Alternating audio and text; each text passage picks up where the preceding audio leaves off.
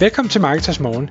Jeg er Michael Rik. Og jeg er Anders Saustrup. Det her er et kort podcast på cirka 10 minutter, hvor vi tager udgangspunkt i aktuelle tråde fra formet på Marketers.dk. På den måde kan du følge med i, hvad der rører sig inden for affiliate marketing og dermed online marketing generelt.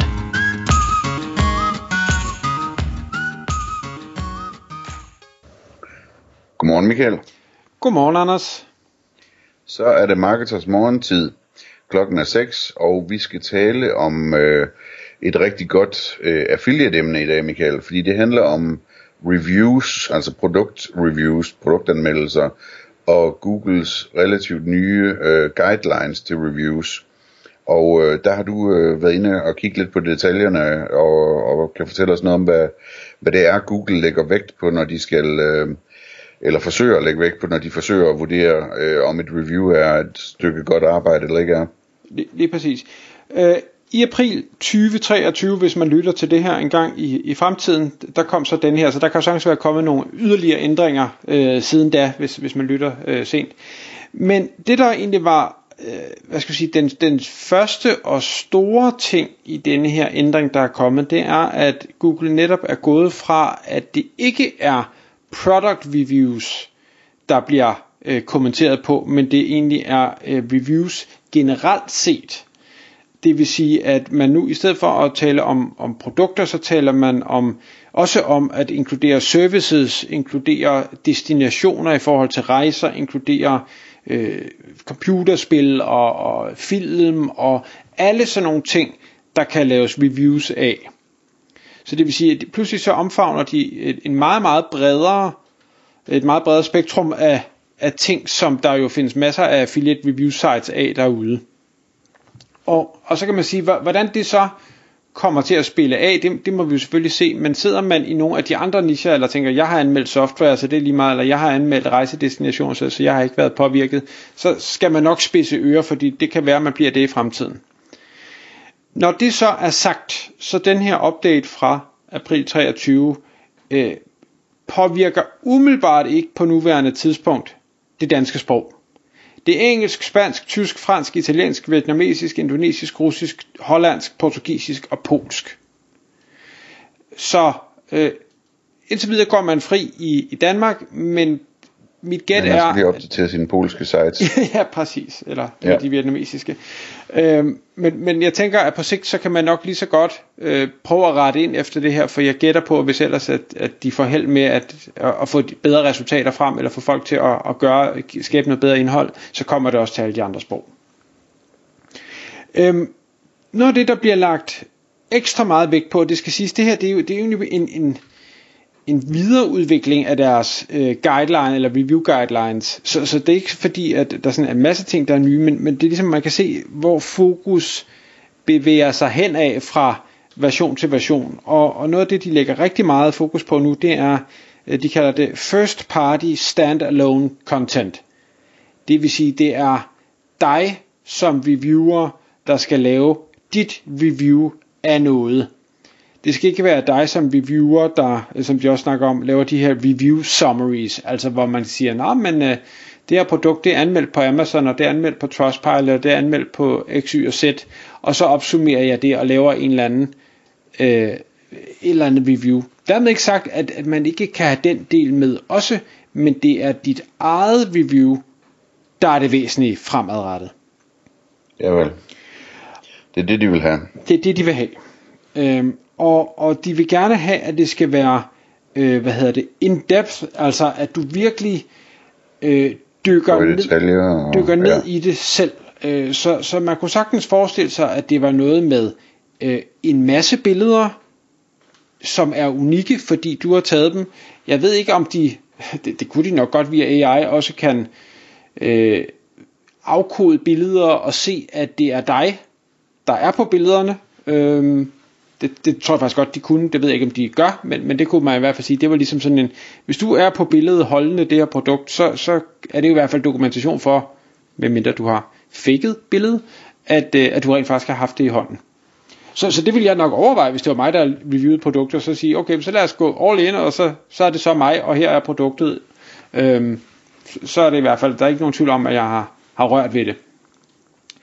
Øhm, noget af det, de også lægger vægt på, det er, at de, de siger også, at øh, det er fint med, øh, hvad hedder det, øh, skal lige bruge det rigtige ord, øh, kvalitative øh, anmeldelser, altså hvor man ligesom kommer med sine holdninger til, at jeg synes, den, den ligger godt i hånden, eller den er tung, eller den er let, eller øh, den, den var pæn, bruge, eller, eller pæn, ja. eller et eller andet.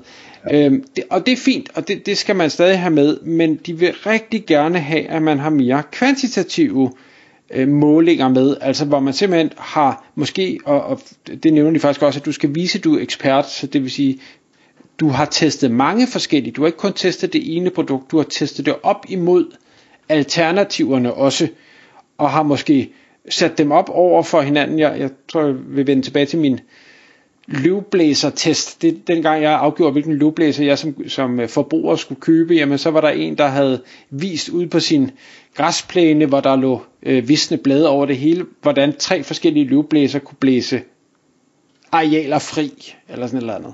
Jeg husker den meget tydeligt stadigvæk.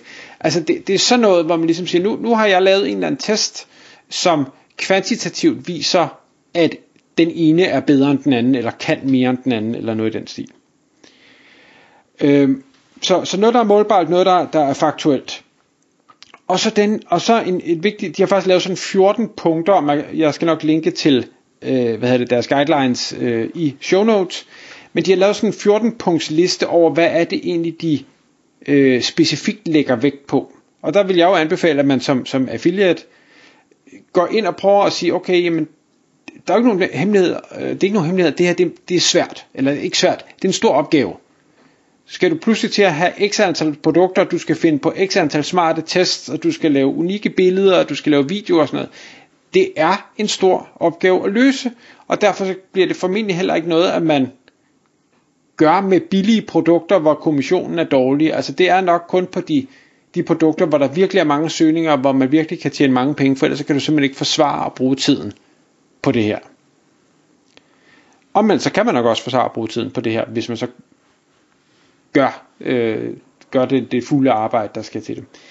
Ja. Øhm, Eller, altså når du siger produkter, så er det jo typisk produktkategorier, vi taler om, ikke?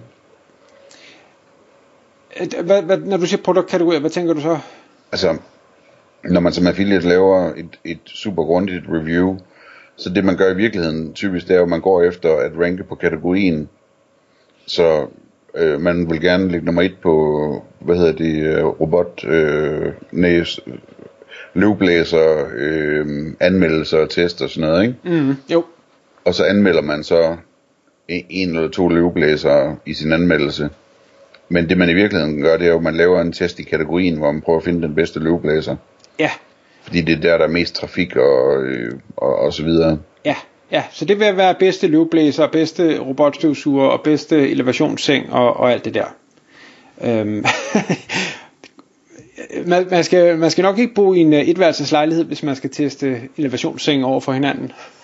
så, øh, så skal man nok lige have lidt plads. Men, så må men, man ud på fortorvet.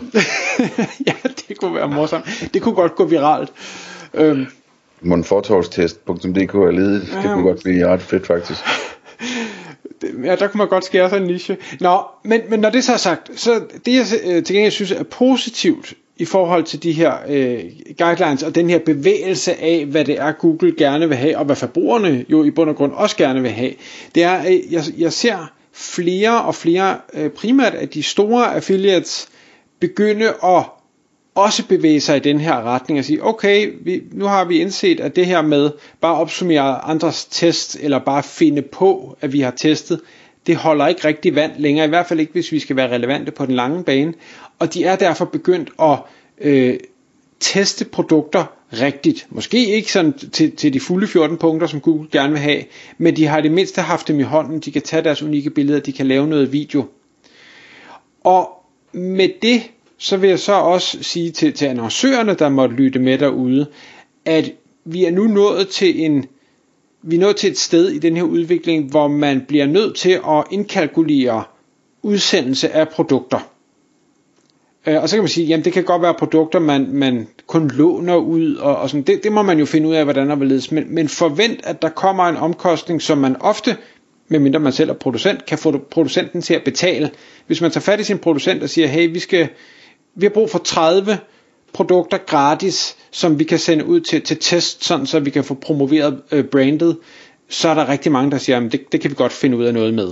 Så, så det behøver ikke være en omkostning, men man skal være klar til at levere noget ud, og skal selvfølgelig også øh, lige tænke over, inden man sender ud, hvem sender man ud til, og, og hvad, skal, hvad forventer man, der kommer ud af det? Fordi man skal jo ikke bare sende produkter ud til den første og den bedste, der spørger, fordi det er der ikke sikkert, der kommer noget ud af. Der, der er mange, der får produkter, så kommer de aldrig videre. Det skal man jo ikke ud i. Der skal jo komme noget ud af det.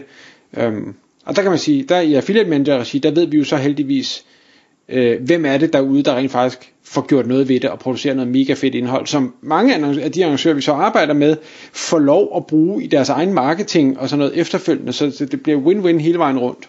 Ja. Jeg har, jeg har lige siddet sådan og, øh, og prøvet at, at tage lidt noter til alt det, du har sagt her, Michael, så jeg tænker, jeg kan prøve at opsummere, øh, og måske lige skyde en point eller to ind.